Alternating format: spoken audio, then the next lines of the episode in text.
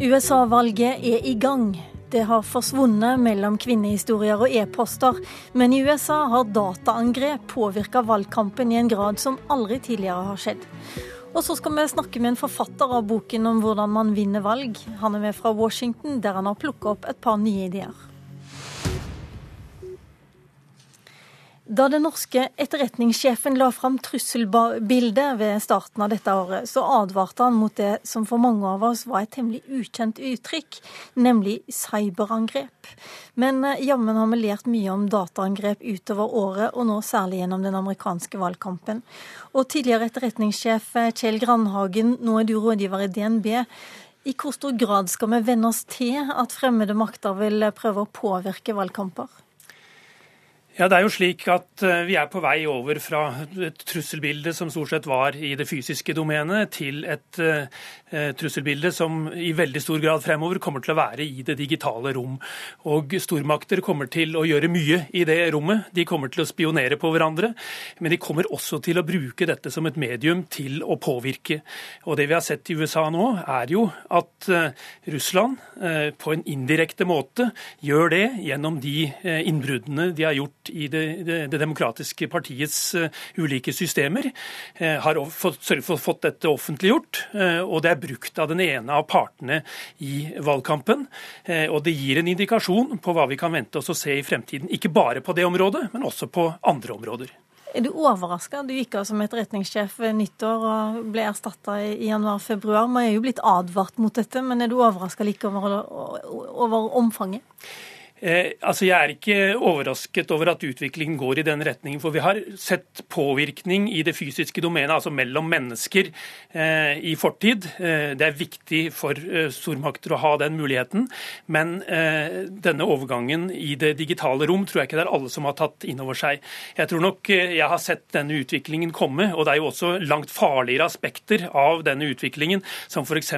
hvordan stormakter kan påvirke både hverandre og andre i fremtidige krisesituasjoner som er veldig veldig eh, alvorlige. Men eh, samtidig er det jo en betydelig risiko eh, ved dette. og eh, Det er en stor forskjell på å påvirke det direkte ved å stjele informasjon og sørge for at den blir offentliggjort, og det å gå direkte inn og manipulere f.eks. valgsystemer. Vi skal høre litt mer om hvordan dette faktisk har foregått i USA. Eh, vår kollega NRK-korrespondent Anders Tvegård har laga dette innslaget. Going after US political organizations is a new aggressive spin. Dette er etterretningssjef James Clapper, som for et par uker siden påstår at russerne står bak det han ser på som et pågående forsøk på å manipulere valgprosessen.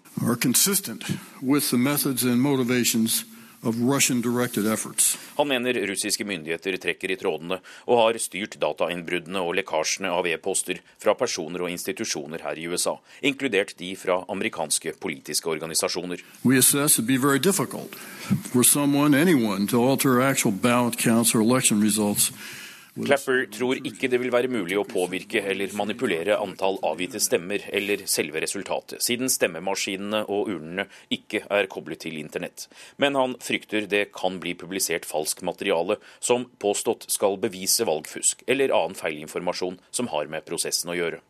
I'm afraid the election's going to be rigged, I have to be honest. Because Donald Trump har gjennom valgkampen påstått at valget blir manipulert, men han vil til tross for klassifiserte sikkerhetsbrifer ikke legge skylda på Russland. Det gjør derimot Hillary Clintons kampanje, selv om demokratenes kandidat har brukt ordene en utenlandsk makt. We have never in the history of our country been in a situation where an adversary, a foreign power, is working so hard to influence the outcome of the election. Ja, Kjell Grandhagen, hvorfor eh, tror du russerne er så interessert i det amerikanske valget og påvirker det? Det er helt uh, åpenbart. De har gjort en vurdering av de to kandidatene og uh, sett uh, hvilken kandidat de tror er mest fordelaktig for dem selv. russerne er jo i en meget krevende situasjon nå med en anstrengt økonomi, store både kortsiktige og langsiktige utfordringer, og hvordan både USA og kanskje også like mye EU kommer til å forholde seg til Russland fremover, er av den absolutt største viktighet for dem. Jeg er helt enig i den vurderingen som min gode venn den amerikanske etterretningssjefen Jim Clapper gir uttrykk for i dette. Det er helt klart at dette er sporet tilbake til Russland. Nå skal vi huske på at det betyr ikke nødvendigvis at det er statlige institusjoner som står bak. Russiske myndigheter bruker i betydelig grad hackergrupper til å gjøre jobben for seg for at det skal se mer tilforlatelig ut. Men realiteten er at denne virksomheten har et, en opprinnelse i Russland. Ja, Vi kan jo høre med deg, Morten Jentoft, du er med oss fra Moskva som korrespondenten vår der. Eh, det er vel sånn at russiske myndigheter blånekter her nå også? For at det er de som står ja. bak? Ja, uh, Russlands president Vladimir Putin var jo ute og snakket om uh, dette i forrige uke. Han kaller det for hysteri fra USA, og tror virkelig, at, tror virkelig amerikanerne at russerne kan påvirke det amerikanske valgets eh, amerikanske folkets valg, sa Putin. Og han brukte jo uttrykket om eh, eh, amerikanerne ser på seg selv som en slags bananrepublikk. Russland mener at USA er en, en stormakt. Vi skal ikke undervurdere akkurat det. Men samtidig, som det ble sagt her, så er det jo ingen som helst tvil om at flere russiske hackergrupper, som disse to gruppene Fancy Bear og Cozy Bear, de har jo åpenbart da eh, klart å komme seg inn i amerikanske systemer. Fancy Bear, eh, det som skjedde i forbindelse med offentliggjøringen av opplysninger fra WADA, dette internasjonale antidopingbyrået, det var det jo ingen som helst slags tvil om at det stammet ifra Russland. Hensikten var å vise at det var ikke bare russerne som driver med doping, det er også andre som driver med. Og også er det vel ingen som helst slags tvil om at denne andre gruppen som har vært trukket frem, Cozy Bears, er gruppen som har vært involvert i eh, det som har kommet ut fra eh, det demokratiske partiet i USA, bl.a. disse e-postene til John Podesta, eh, Hillary Clintons kampanjeleder. Sånn at russerne er aktive her. Så er spørsmålet hvor styrt er dette ifra, helt fra toppen i samfunnet. Men vi vet jo i hvert fall at Eh, Donald Trump har skrytt mye av Putin. Vi vet også at eh, Putin har et godt forhold til Marine Le Pen, f.eks. i Frankrike, og at man eh, støtter europeiske høyre-radikale bevegelser altså også i Europa, Grandhagen. Ja, det er eh, kommet frem stadig mer informasjon som peker i den eh, retning. Jeg tror vi skal ta utgangspunkt her at, at russerne er nok selektive i valg av hvilke land de eventuelt går inn med en slik eh, påvirkning. USA er åpenbart interessant, et land som Frankrike åpenbart interessant. Og vi har sett en del tilsvarende aktivitet også rettet mot land både i Sør-Europa og i Øst-Europa av EU-landene. Og da må jeg jo spørre, for vi har jo en valgkamp coming up neste år her i Norge også. Vil russerne være interessert i å påvirke den valgkampen? En slik innsats eh, er ganske omfattende hvis man skal ha noen mulighet til å lykkes med det. og Det forutsetter en, en, at det er strømninger i befolkningen som på en måte eh, er åpne for eh, den påvirkningen som dette kan gi. Og det må også være en tro på at dette kan gi en betydelig effekt hvis man skulle gjøre det. Jeg vil nok tro at Norge rangerer ganske langt nede på den listen, med den politiske stabiliteten og betydelig grad av tverrpolitisk enighet som vi har i vårt land i øyeblikket. Så de er ikke så veldig opptatt av om det er Erna Solberg eller Jonas Gahr Støre som blir eh, statsminister? Jeg tror ikke de forventer en betydelig endring i utenrikspolitikken som følge av et uh, skifte mellom de to. Mm -hmm. Jeg er nødt til å spørre deg også som fagmilitær tidligere, nå er du riktignok sivil i, i DNB. Men hva tenker du om FBI-sjefens påvirkning på valgkampen? Det er jo ikke bare russere som er inne og gjør uortodokse ting her. Det har jo vært en katastrofe, eh, simpelthen. Eh, og det at eh, FBI, med den posisjonen de har i det amerikanske samfunn, har blitt så involvert i sluttfasen av denne valgkampen, det er noe som FBI kommer til å slite lenge med å komme seg ut av. Det er lett å forstå det dilemmaet som James Comey sto i da disse sakene kom opp. Han har vært under et enormt krysspress fra flere kanter. Han hadde egentlig dårlige alternativer å velge mellom, men han valgte det absolutt dårligste alternativet.